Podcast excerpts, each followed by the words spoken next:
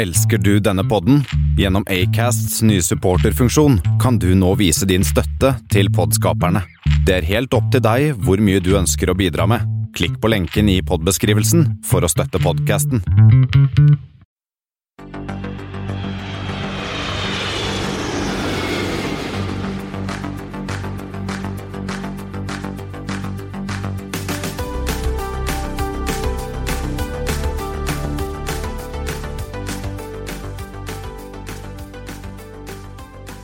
Hei og velkommen til eh, Flight 28, som eh, spilles inn den eh, 21. august 2018. Sommeren her i Flypodden den er på hell, men som vanlig hører du stemmene til eh, undertegnede, Thomas Lone og Kristian Gamhaug. Og vi har kalt eh, dagens episode for eh, Oh Lord, would you lease me a color TV? Vel eh, fritt etter en, eh, en meget kjent sang, men eh, det er jo ikke en farge-TV vi skal snakke om, det er jo litt større enn som så, det er fly. Så det skal vi nerde med deg de neste 45 minuttene, og mm, vi skal òg i dag innom eh, Vi kan jo nesten si at det har blitt en føljetong, eller en spalte. Vi skal snakke om, også om Afrika og Air Belgium, blant annet. Ja, det er lenge siden vi har hatt Air Belgium-nyheter, Thomas. Yes, det er det, men eh, nå har det skjedd litt utvikling i Belgia, så da må vi rapportere om det. Og så skal vi innom to flytyper som har gjort et eh, slags comeback i, i eh, SAS. Eh, Og så skal vi, som du var inne på i starten, Thomas, snakke om flyleasing og penger igjen. Og, og penger har jo vi også fått, Thomas. Vi har fått noe mer penger på, gjennom Patrion, har vi ikke det? Jo, det ramler inn en dollar her og en dollar der, og sist så var det da en som støttet oss med fem dollar i måneden. Og det setter vi veldig stor pris på, fordi at eh, alle inntektene går til å dekke de løpende kostnadene som vi har med nettside, med distribusjon av podkast, med eh, e-post osv. Så, videre. så vi setter pris på alle som vil støtte oss med en liten slant per måned. Og da finner man lenke til Patron-siden vår på hjemmesiden vår flypodden.no. Har du eh, vært på noen turer i det siste der, Christian? Ikke annet enn på lørdag, når eh, du og jeg var i Hokksund og jeg tok meg en tur med en Piper Cub. Hvordan var det? Og var det en 53-modell Piper Cub? Ja, det, og det er ikke det eldste flyet jeg har fløyet heller, har jeg funnet ut. Eh, jeg har jo også fløyet en gammel Junker 52 og en 1947-modell uh, Grumman Turbo Mallard, så jeg har fløyet med gamle fly før, men det, her, det er det minste jeg har fløyet noen gang. Og, det var jo Det blåste jo litt når vi var på Hokksund på lørdag, Christian, og jeg så det at når den eh, cuben tok av, så var det litt berg-og-dal-bane. Kjente, du- kjente du i blodpumpa da? Ja, jeg skulle jo ta bilde i takeoff, og den telefonen nådde jeg ikke, og ikke nesten gærent, men det var, for det var bra, bra risting på, på vei opp og datt litt og sånn, men det kjente at, kjente at du flyr da. Og hvor, hvor høyt var dere? Vi var vel ikke høyere enn 1010 fot, tror jeg. Nei, for skylaget lå jo ganske Det lå jo ganske langt nede. Ja, så vi var helt oppe og skrapte på skyene. Jeg, var, gikk, gikk tur eh, dagen etterpå til en sånn topp i nærheten av der jeg bor. Jeg tror vi var like, omtrent like høyt der. Ja, riktig. Men du fikk deg jo en fin tur over Eikerbygdene, da. Det skal du ha. Det gjorde jeg, og så fikk jeg en ny flyplass på lista over flyplasser, så nå har jeg havnet på 116 flyplasser. Da noterer vi oss det. Ja. Og du, Thomas? Nei, jeg kom hjem i dag. En liten rundtur til Haugesund. Opp klokka kvart over åtte, og ned igjen klokka halv fire. Så det var sånn på det jevne. Alt gikk fint, ingen forsinkelser. Toget gikk, flyet gikk, flybuss gikk, taxi gikk. Alt var bare fint i dag.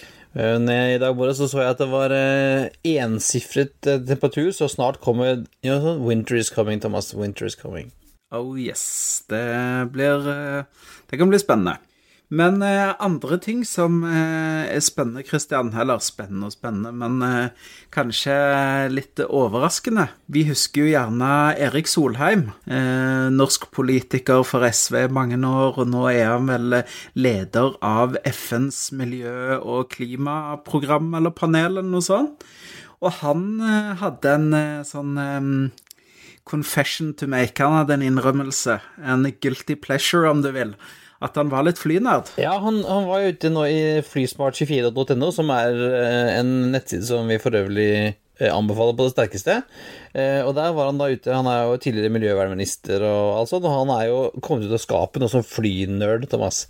Han, det, er gøy, det, er jo gøy, å se. Han er veldig glad i å fly, så han får jo flydd ganske mye i jobben sin som, som, som FNs miljøsjef. Men han mener at vi ikke skal ha dårlig samvittighet for å fly. Han syns vi bør fly enda mer, mener, sier han faktisk. Og jeg tenker det, når det kommer fra miljøsjefen i FN, da kan vi fly med god samvittighet. Ikke lite. Han skal ut og redde verden, så det, det er viktig at man er ute og reiser med fly. Og så er det viktig at man kjøper taxfree når man lander på Gardermoen, for å sikre norsk luftfart. Det vet vi at det er jo der pengene går til. Det er det absolutt, og da støtter man også med nødt til å fly rundt i rurale Norge. Og, og, jeg kan si at liksom, Erik Solheim er litt sånn blast from the past, men noe annet som er en blast from the past, Thomas, er jo to uh, to fly som vi trodde var ute av SAS-verden, men som er tilbake igjen.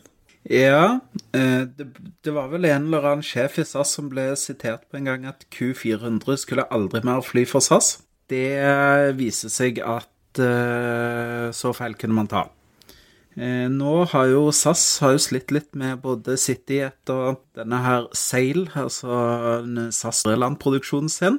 Og da har de gått til innkjøp av tjenester bl.a. hos Widerøe og hos DAT. Hvis vi skal ta for oss videre først, da, så er jo det da en eh, Det er jo denne melkeruta mellom Bergen, eh, Ålesund og Trondheim som videre skal operere en rundtur om dagen på, som eh, har pleid å vært operert av City 1. Eh, sånn CRJ 900. Eh, men da istedenfor som går nå med Dash 8 Q400 fra videre. Da var han tilbake igjen, gitt.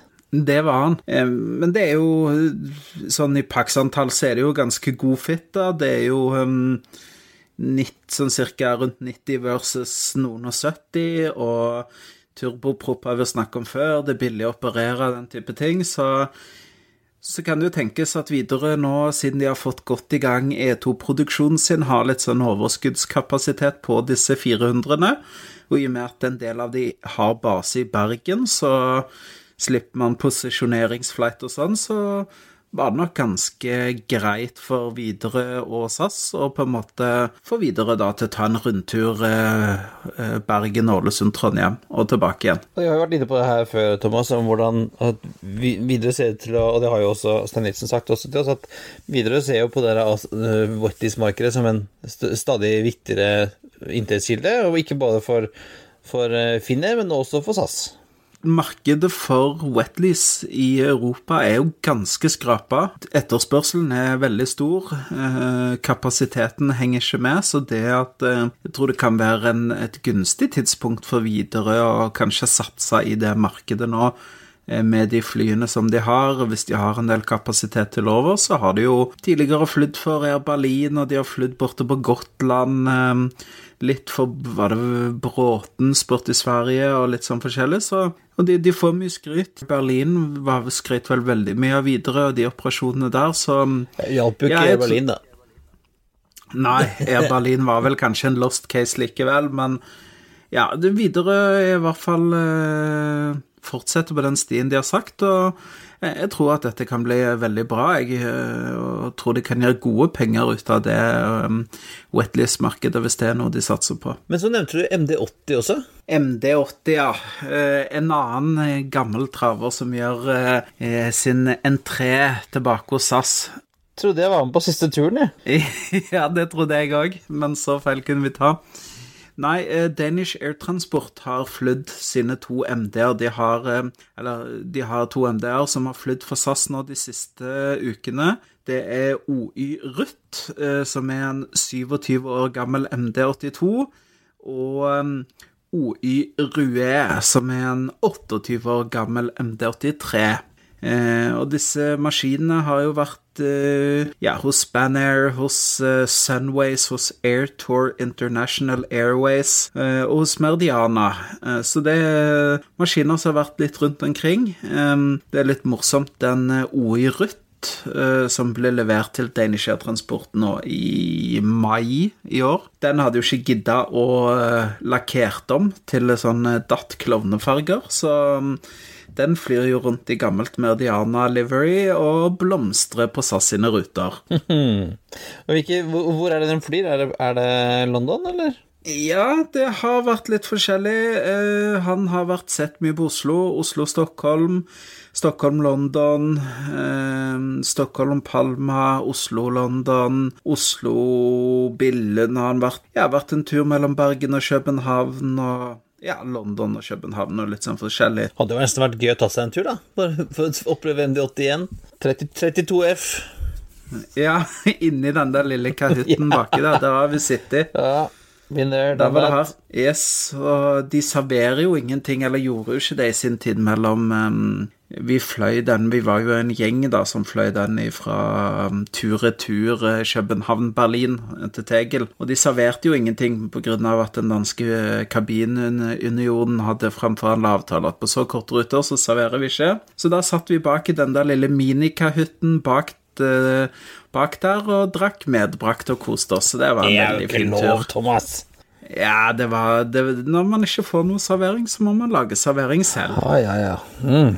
Nei, men eh, det er jo som sagt gamle maskiner. Eh, 7-28 år. Eh, onde tunger kaller jo DAT for ikke Danish Air Transport, men eh, Danish Ant Antique eh, Transport. Eh, fordi at det er jo det er mye gammelt ræl eh, som de kommer med. Men jeg leste vel også et eller annet sted at det faktisk eh, eh, kanskje Datt har tatt dette litt inntil seg, for de får jo nå i september to fabrikknye ATR-maskiner. Ja, det skulle sett. Ja, og det fløy det jo fra Oslo til eh, Stord, og det var jo litt morsomt å da fly en maskin som er nesten like gammel med deg som deg selv. Denne ATR-en de bruker på ruta der, tror jeg var vel over 30 år, eller om man nærmer seg noe grådig. Så, så mm, de har jo De har en gjennomsnittsalder på flåten på 24 år, så det er klart de mm, det er ikke de nyeste maskinene de har, men eh, det funker, og det, det har jo ikke vært involvert i noe ulykke eller noe sånt, så det er jo tydelig at de eh, tar vedlikeholdet på alvor, men eh, nå blir det jo spennende da når de får eh, to helt fra Birk nye maskiner, eh, hvordan de skal bruke de. Ja, altså, I og med at de gjør såpass mye sånn wetlease og sånn, så er det jo det er litt sånn, on demand. Så da er det jo greit, altså, og da er jo den prisen selskapene betaler, er ganske høy, og da, da er jo ikke sånn de driftskostnadene så viktige. Når du har fly som står mye stille, så er det jo bedre at de har et fly som er rimelig billig finansielt, da. Uh, og det er, det er disse her, de er jo, kan ikke koste mye å, å eie, men eh, eh, litt mer å, å operere, da, som vi var inne på tidligere, at eh, eldre fly er jo såpass er jo billige å eie, men dyre å bruke. Da kan de jo heller prise tjenestene sine deretter, og med det gode markedet som er nå i Europa, så blir det god butikk, selv om du da har fly som er litt tørstere og krever litt mer vedlikehold. Yes, og vi må videre i sendingen, Thomas, og vi skal til Afrika. Oh yes, aldri en flypod uten nytt fra Afrika, Christian. Og hva er det når du har spadd opp? Nei, altså Vi snakket jo tidligere i sommer om at Nigeria skal få sitt nye nasjonale flyselskap, Nigeria Air. Uh, og det er sånn at Den nigerianske staten skal bare ha en sånn liten minoritetspost, Uh, og de har vært ute etter nye både finansielle og industrielle eiere. Og Forrige uke så ble det klart at Etiopien, som vi snakket om i forrige episode, uh, er en av de foretrukne, eller en av de partnerne som er på, mulig på vei inn i, i Nigeria Air. da. Eh, og det er jo interessant. Det er veldig Nå begynner det virkelig å utkrystallisere seg hvilken strategi Etiopien har her i Afrika. Det er jo, som vi var inne på i nå i Flight 27, som, som gå tilbake og høre på, så er det jo det planen deres er, å bygge en sånn panafrikansk allianse av selskaper, og det er jo typisk at Nigeria er, er Air faller sånn naturlig inn der, og eh, Etiopien er jo ikke ukjent i Nigeria, for de har jo allerede vedlikeholdsavtale med Ariker og Medview Airline. Ja, riktig, så de driver allerede butikk i, i Nigeria og kjenner litt til det, så ja, det, det blir spennende. Det, vi, vi, det var ikke så lang rapport fra Afrika i dag, men eh, vi, vi følger med hva, hva Etiopien foretar seg i, i Afrika, Og fra Afrika til Belgia. som også har vært mye i Afrika. Ja, ikke minst. De har en lang og broket Afrika- eh, Afrika-historie, de. Men vi skal snakke nå om eh, Air Belgium, og de går jo ikke til Afrika i det hele tatt. De går jo til Kina. Oh yes. Og de ønsker å utvide tilbudet sitt til Kina, Christian. Ja, for det holdt jo ikke med Altså, de har, jo begynt med Hongkong. Uh, vet ikke vi, har vi hører en rykte om at ikke det går så himla bra, så da er jo planen da, da kjører vi enda flere byer i Kina.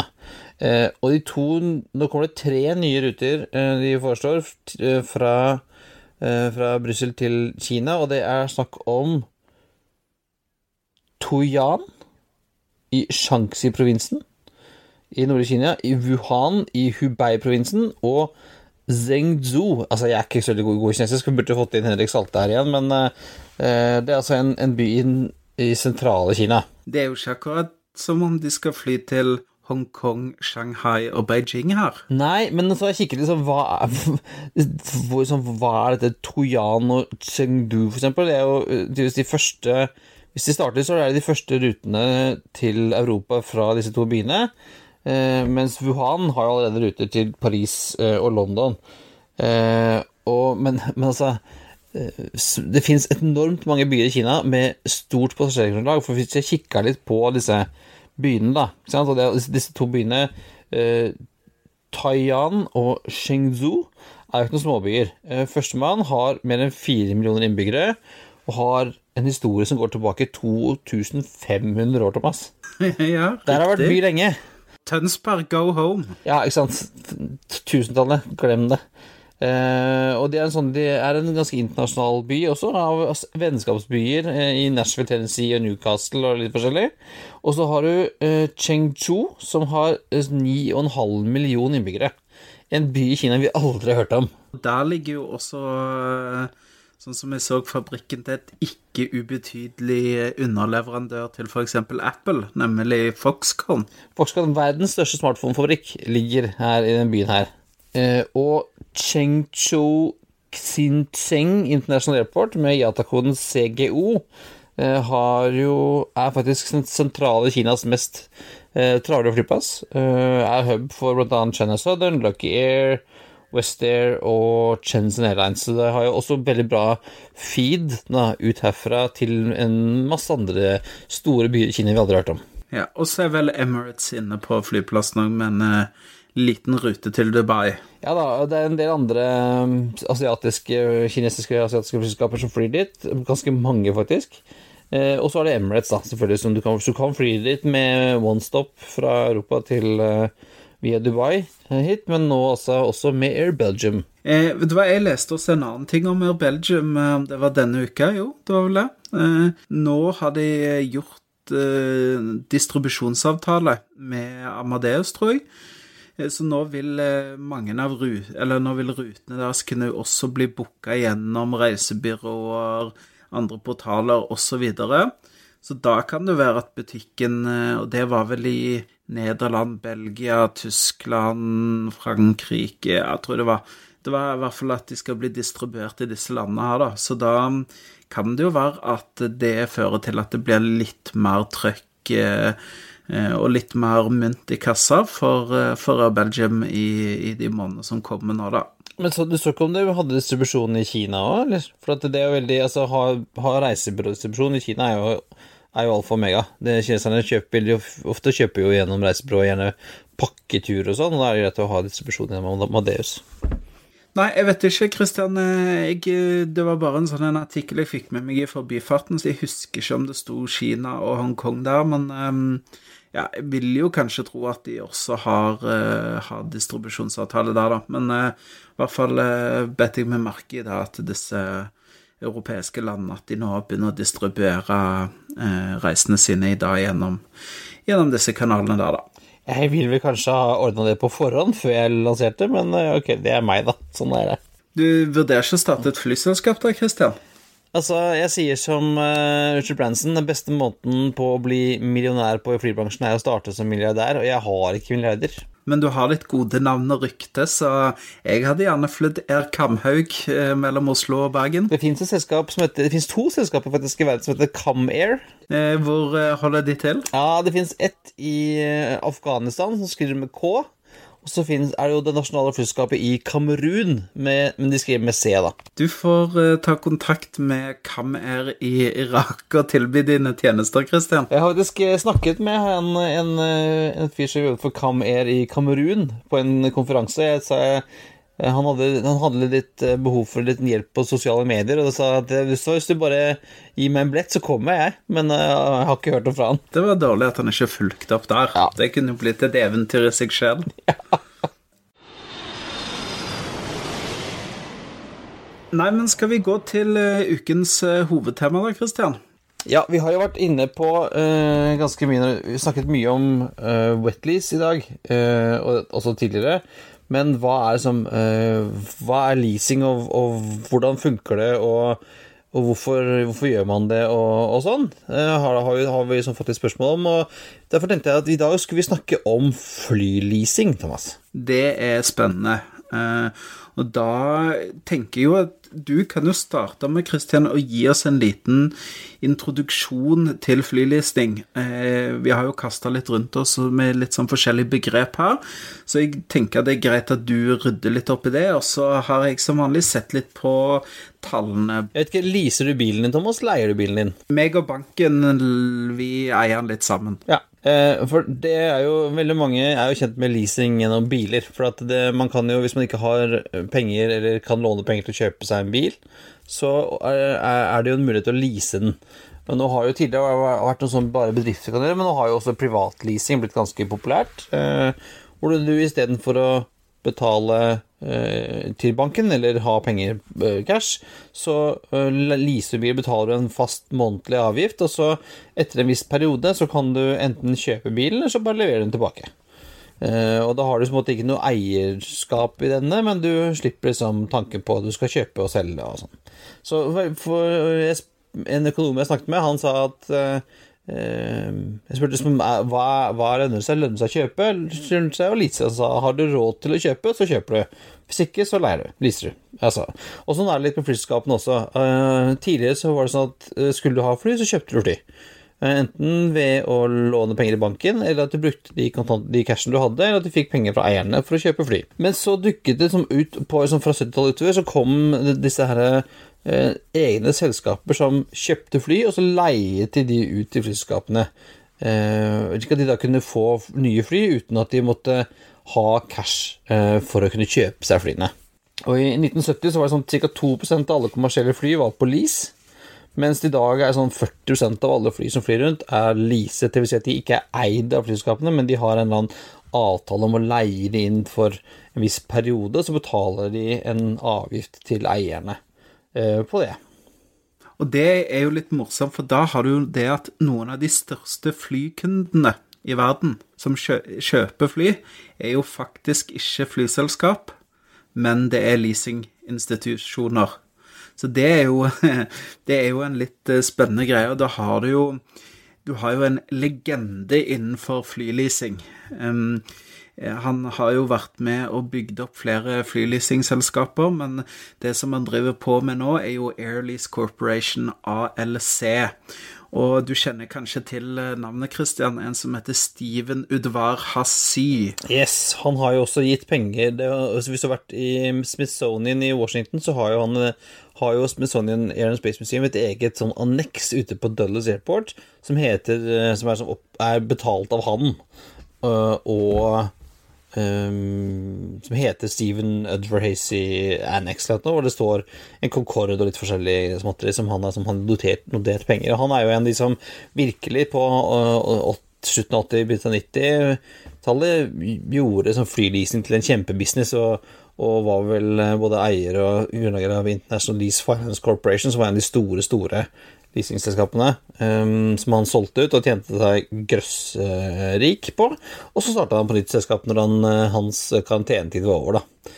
Jeg tror det største selskapet i dag er ved Aircap, som er for de som kjøpte uh, ILFC, og de har vel en 1100 fly i stallen, tror jeg. Jeg vil Noe av grunnen til at flyselskapet velger å lease eller leie inn maskiner istedenfor å kjøpe de, er jo én eh, fordi de ikke har penger eh, på bok til å kjøpe. Eh, det kan være at de har vanskelig med å skaffe seg finansiering eh, gjennom bankene, eller finansieringen er dyr. Eh, eller de ønsker fleksibiliteten som gjør at du kan leie en, lease en maskin på en Ofte snakker vi om sånn tolvårskontrakter, og så kan du bare levere tilbake maskinen når du er ferdig.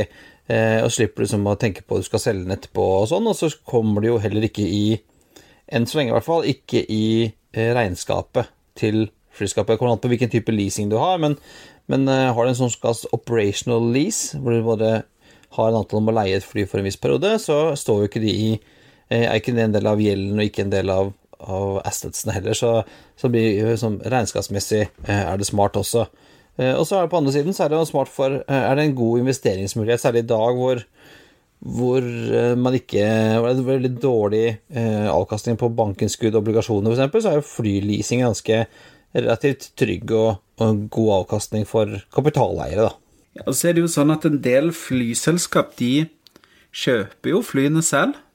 Men idet de skal holdt på å si, betale for flyene, så selger de det i samme operasjon til et leasingselskap, og så leaser de det tilbake. Og det var vel en av de formene for leasing eh, som, eh, som, du vil gå litt inn på, Christian. Men da, da, er det jo på en måte Da får flyselskapene også For det har jo en verdi i det at man kanskje har stått i to eller tre år og venta på å få dette flyet levert. Så da kan man si at de blir kompensert da for på en måte å ha stått i køen og, og fått, eh, fått, levert fly og alt dette rundt det, men at de da, et leasingselskap da overtar flyet når det blir levert, og så med en gang leaser de det tilbake til flyselskapet som originalt bestilte flyet. Det er jo, det er jo en veldig, veldig mye brukt eh, form for leasing, da. Ja, og så har du jo også den uh, Hvis du kjøper mange Altså hvis du har fått en veldig god deal SAS fikk jo sist tid en veldig god deal på 737, og uh, Ryanair har fått god deal på sine, sine fly, og, og, nå er jo Aircap såpass stor at de får ganske gode deals, de også. Så det er sånn hva, hvem, hvem, får beste pris for eksempel. Men jeg skal gå nå, Jeg skal gå gjennom de forskjellige typene leasing. Eh, og som jeg er inne på, det noe som heter operating lease. Det er som en avtale om å leie et fly på en spesiell en, på en definert periode. Det kan være fem år, ti år, ofte er det tolvårsperioder hvor de leaser flyene på. Eh, og når leasingperioden er over, så bare leverer flyskapet flyet tilbake igjen til AirCap eller Airlease eller hvem som eier det. Eh, og så har de da ansvar for å, å leie det ut til et nytt selskap, eller selge det videre, eller skrote det, eller hva de vil. Eh, og så har du en, noe som heter financial lease, som ligner på operating lease, eh, men der har du en avtale om at selskapet skal kjøpe flyet tilbake Kjøpe flyet på, eh, ved enden av av leasingperioden. Slik som veldig mange ofte har det med privatlease av bil, f.eks., så har de en mulighet til å kjøpe tilbake. Um, og det er også den, I motsetning til operating lease, så er det i en financial lease så ligger også både gjelden og den eiendelen som flyet ligger i selskapets regnskaper. da, Så det er liksom en regnskapsteknisk greie. Og så har du det som du var inne på, Thomas, en sale og leaseback, hvor eh, flyselskapet har kjøpt flyet, betalt det, og så selger de det til et leasingselskap, og så leier de det tilbake igjen. Eh, den type lease skjer ofte gjennom sånne eh, finansielle institusjoner, ikke, ikke de store leasingselskapene, men med ofte en sånn avtale som skjer med en eller annen bank eller et eller annet eh, selskap i et eller annet Veldig mye i Japan er det mye sånne sale leaseback-avtaler. Og det er, jo, det er jo litt sånn i forhold til når vi som følger med i markedet Eh, sitter og biter litt negler og lurer på hvordan skal Norwegian få finansiert de ti neste maskinene de skal få levert neste år, så er jo det eh, et av de verktøyene de har i verktøykassen sin da, for å få finansiert de flyene. At de finansierer det da ved, ved sale og leaseback. Eller som SAS i sin tid, når de alltid trengte cash, så var det som ok, men vi har noen, noen skyttersjuer her, vi kan selge de og lease tilbake igjen. Um, og så får de cash. For det er ofte det som er viktigst. Veldig ofte viktig er jo hvor mye cash har vi. Eh, ikke sant? Ekstremt mye viktigere ofte enn eh, inntjening. Det er sånn hvor mye har vi av cash. Så det er viktig. Eh, og så har vi, vi har sagt mye om wetlease. I en wetlease-avtale så er det sånn at flyselskapet leier ikke bare inn flyet, som de gjør i en drylease, men de leier også fly, crew, de, forsikring, alt kalles også ACMI, altså Aircraft Crew Insurance and Maintenance. Så den som flyskapet leier flyet fra, har jo også da et eget AOC, og så har de crew og står for alt uh, opplegget. Er nesten som å ta en taxi. Det er det, og det har vi jo sett mye av de siste årene. Det, og da har vi den, den type eh, Du har jo på en måte en av disse eh, korttids-wetleasene. Det er jo det at du f.eks. flyr med, med data fra Oslo til London i en DAT-maskin som er rød, og det er DAT-uniformer og DAT-mennesker, og alle er ansatt i DAT og alt. Alt er bare DAT, eh, som er en sånn korttidsform for wetlease. Og så har du jo da sånn som SAS gjør med f.eks. CityAir Eh, som en eh, mer langtidsform på wetlease. Det er jo det at da, da er det jo da CityJet som opererer flyene. De stiller med sitt mannskap, flyr på sitt AOC osv men det er da flyene er lakkert og malt i SAS-farger. Eh, man har SAS sitt cateringkonsept. Man på en måte for, for, de aller, aller fleste så framstår det som at det er SAS som flyr denne flyvningen. Det er SK-flynummer. Alt, alt eh, framstår som SAS, men det er jo da egentlig et annet selskap som, som ligger bak. og gjennomføre flyvningen. Ja, eh, og det der eh, er jo noen selskaper som har gjort det i mye, mye større eh, grad enn det SAS gjør nå, men SAS har kanskje blitt i og med Særlig at de har sagt at de skal ikke ha mindre fly enn 150 seter, så er det sånn de, alt som er under her, skjer jo en sånn wetlease-produksjon, da. Og det blir morsomt. Mens jeg jobbet i SAS, så var det sånn at avtalen vi hadde med med fagforeningen, var at man ikke kunne Hvis man hadde wetlease, som det var lite av den gangen, så kunne ikke de flyene være malt i SAS-farger. Hmm. Skulle man liksom da distansere seg litt, og at det skulle gå klart fram at dette var ikke SAS? Ja, jeg tror var det det, det som var Jeg tror det var sånn det var en periode vi fløy på um, fra Stockholm til London City. Eh, så hadde vi jo ikke fly som kunne fly til London City. Eh, airport, og da uh, gjorde vi wetlease fra Bråten, eller Transwede, som det heter, uh, med en sånn gammel Avro-liner. Uh, og den var helt hvitmalt med en sånn SAS-logo på halen, bare. og var en operated by Transwede, eller noe sånt, det var tydelig at dette ikke var SAS. Men nå går jo alle disse CJ-ene og ATR-ene er jo i full SAS-maling, men jeg har lagt meg til at de har ikke SAS-uniformer. har de ikke. Nei, nå må jeg tenke litt. Nei, de har kanskje vingen eh, på, og så har de disse dam damene har ofte det der skjerfet med SAS-mønsteret, men de har ikke de vanlige SAS-uniformene. Det er jo du som er moteeksperten i Flypodden som, eh, som, biter deg merke i disse detaljene her. Det er jo ikke så lenge siden jeg fløy disse City selv, så jeg får bare ta litt ord på det. Ja. De har ikke full uniform, men de kan også ha noe med med avtalen med fagforeningen. Så. Så det er rett og slett, eh, som du ville sagt på motespråket, det er SAS-detaljer, Christian? Yes, detaljer. Og så har vi da eh, en variasjon av denne wetleasen som kalles damplease. Altså, hva tror du det er? Ja, det er vel en, eh, en god blanding.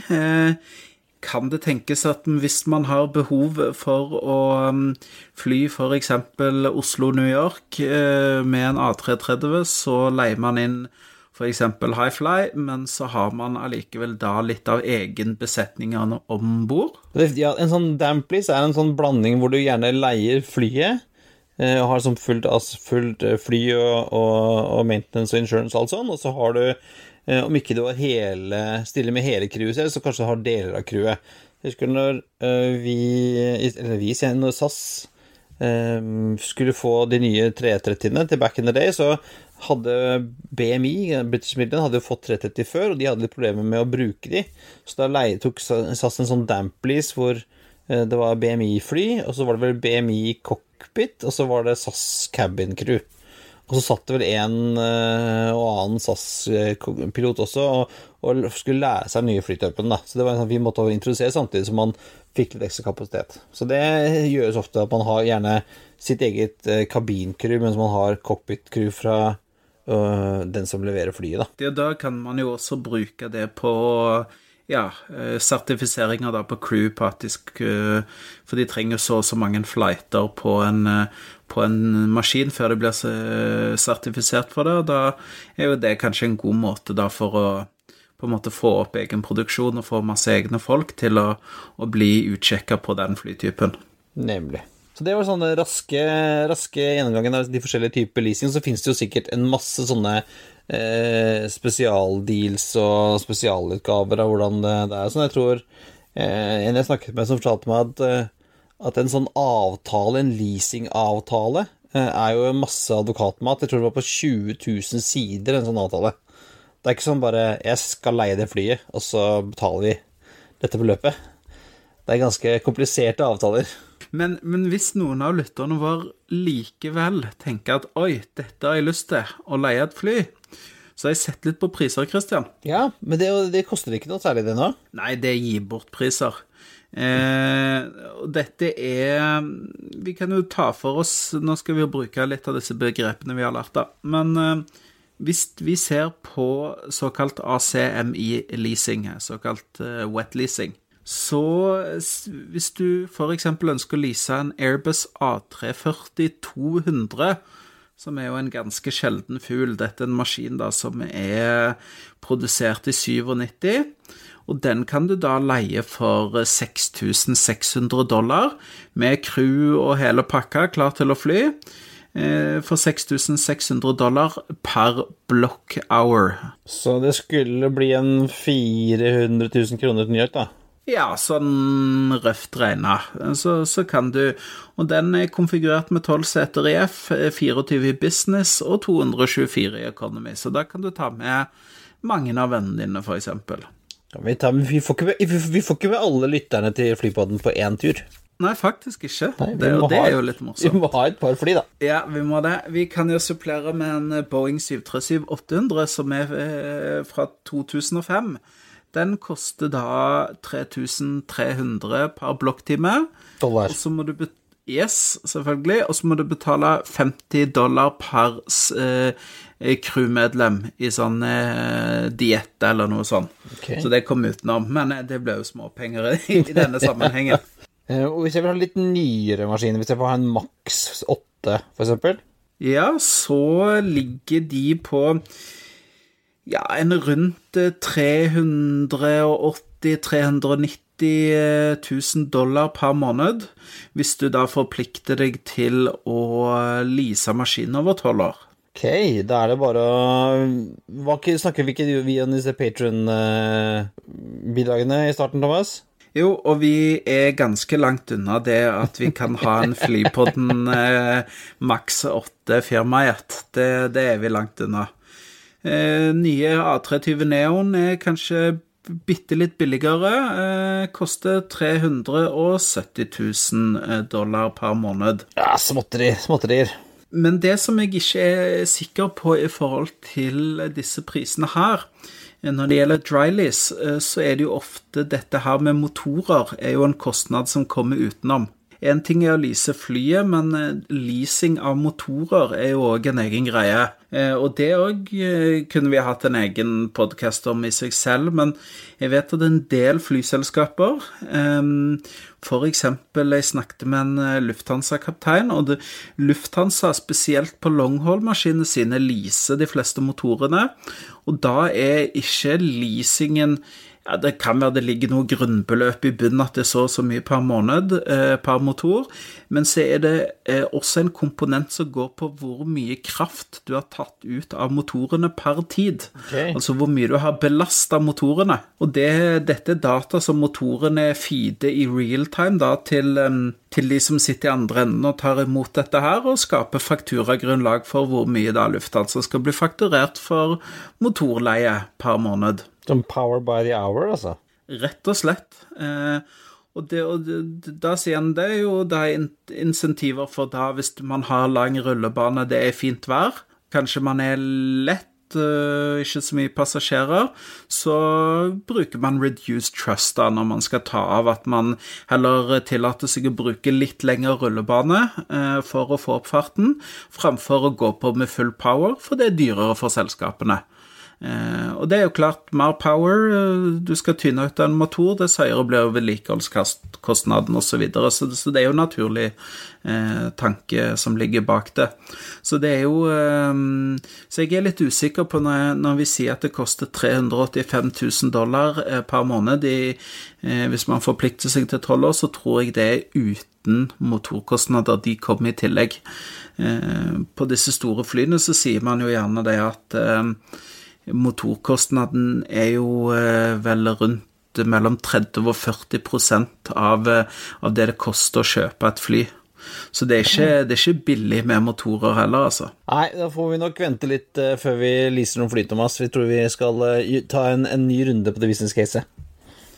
Yes, vi, vi får eh, Når vi lager budsjett, Christian, for 2019, så får vi se om det er, er rom for en egen, eh, egen eh, Flypodden-gjett. Ja, vi får se. Er vi da ferdig med leasing for i dag? Det tror jeg vi kan si at vi er. Da er mikrofonen din, Christian. Du vet du har en eh, anbefaling som du eh, vil komme med. Ja, jeg eh, har lyst til å anbefale først og fremst eh, NRK-appen. Eh, den er helt fantastisk. Den, jeg har den på, på Apple TV-en min, og jeg har den på, på Mac-en, og jeg har den overalt. Eh, der finnes det jo en hel masse gode programmer, både underholdning og filmer, og mye dokumentarprogrammer, som du kan se helt gratis. Jeg betaler altså min lisens med glede, Thomas. Hva med deg? Du, det gjør jeg òg. Jeg skal innrømme at akkurat idet jeg er inne og trykker 'godkjenn' på e-fakturaen i nettbanken, akkurat det millisekundet det tar å klikke på den, så er det bitte litt surt. Men etter jeg har trykt 'godkjenn', så er det glemt. Fordi at eh, jeg bruker appen mye, hører ekstremt mye på radio, og ungene mine bruker den der NRK Super-appen og får alt det de liker å se på, bare levert on demand.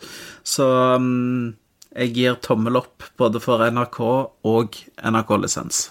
Og uh, noe av det som de bruker lisenspengene våre på, er jo uh, å kjøpe programmer. Og de har kjøpt en liten serie fra BBC som heter på norsk 'Byen i skya'.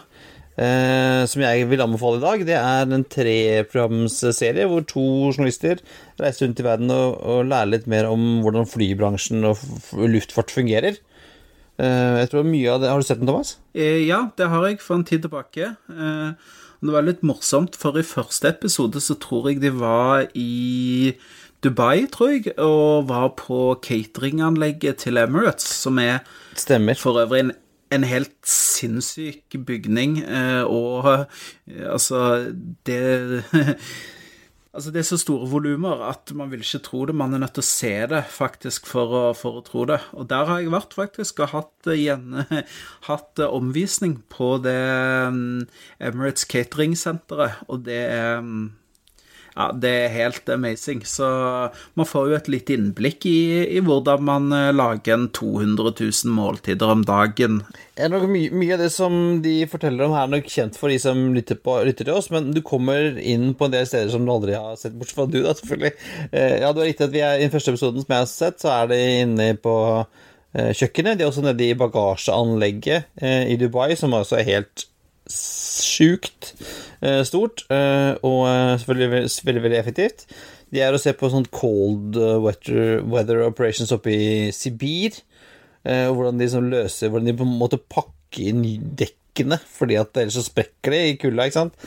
Ja, veldig, og det er veldig mye flotte bilder. Det er, altså, bilder. Det er veldig mye interessante måter å, å presentere en sånn grafisk fremstilling av statistikk på. Hvordan de som har lagd en hel, eh, helt stabel av kofferter som er høyere enn Burj Al Arab, for eksempel.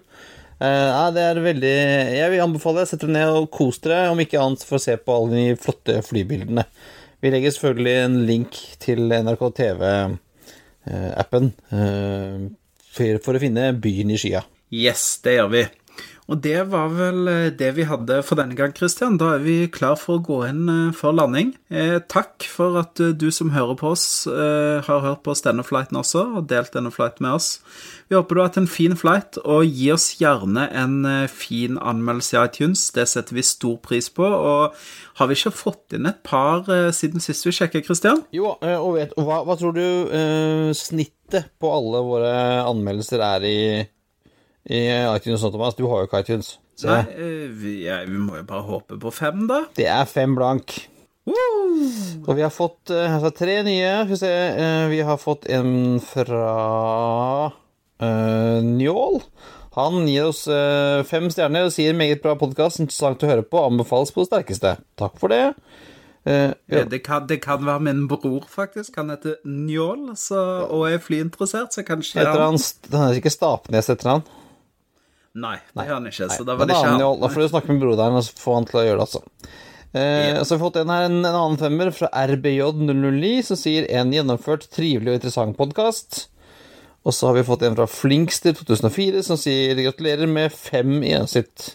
Og bra jobba, og fem stjerner i han tusen takk for det, veldig hyggelig. Vi setter veldig stor pris på alle som gir oss en liten vurdering og tomler opp og stjerner. Det er veldig, veldig fint. Jeg, jeg liker spesielt når folk nevner at det er en trivelig podkast. Det, det syns jeg er hyggelig å høre.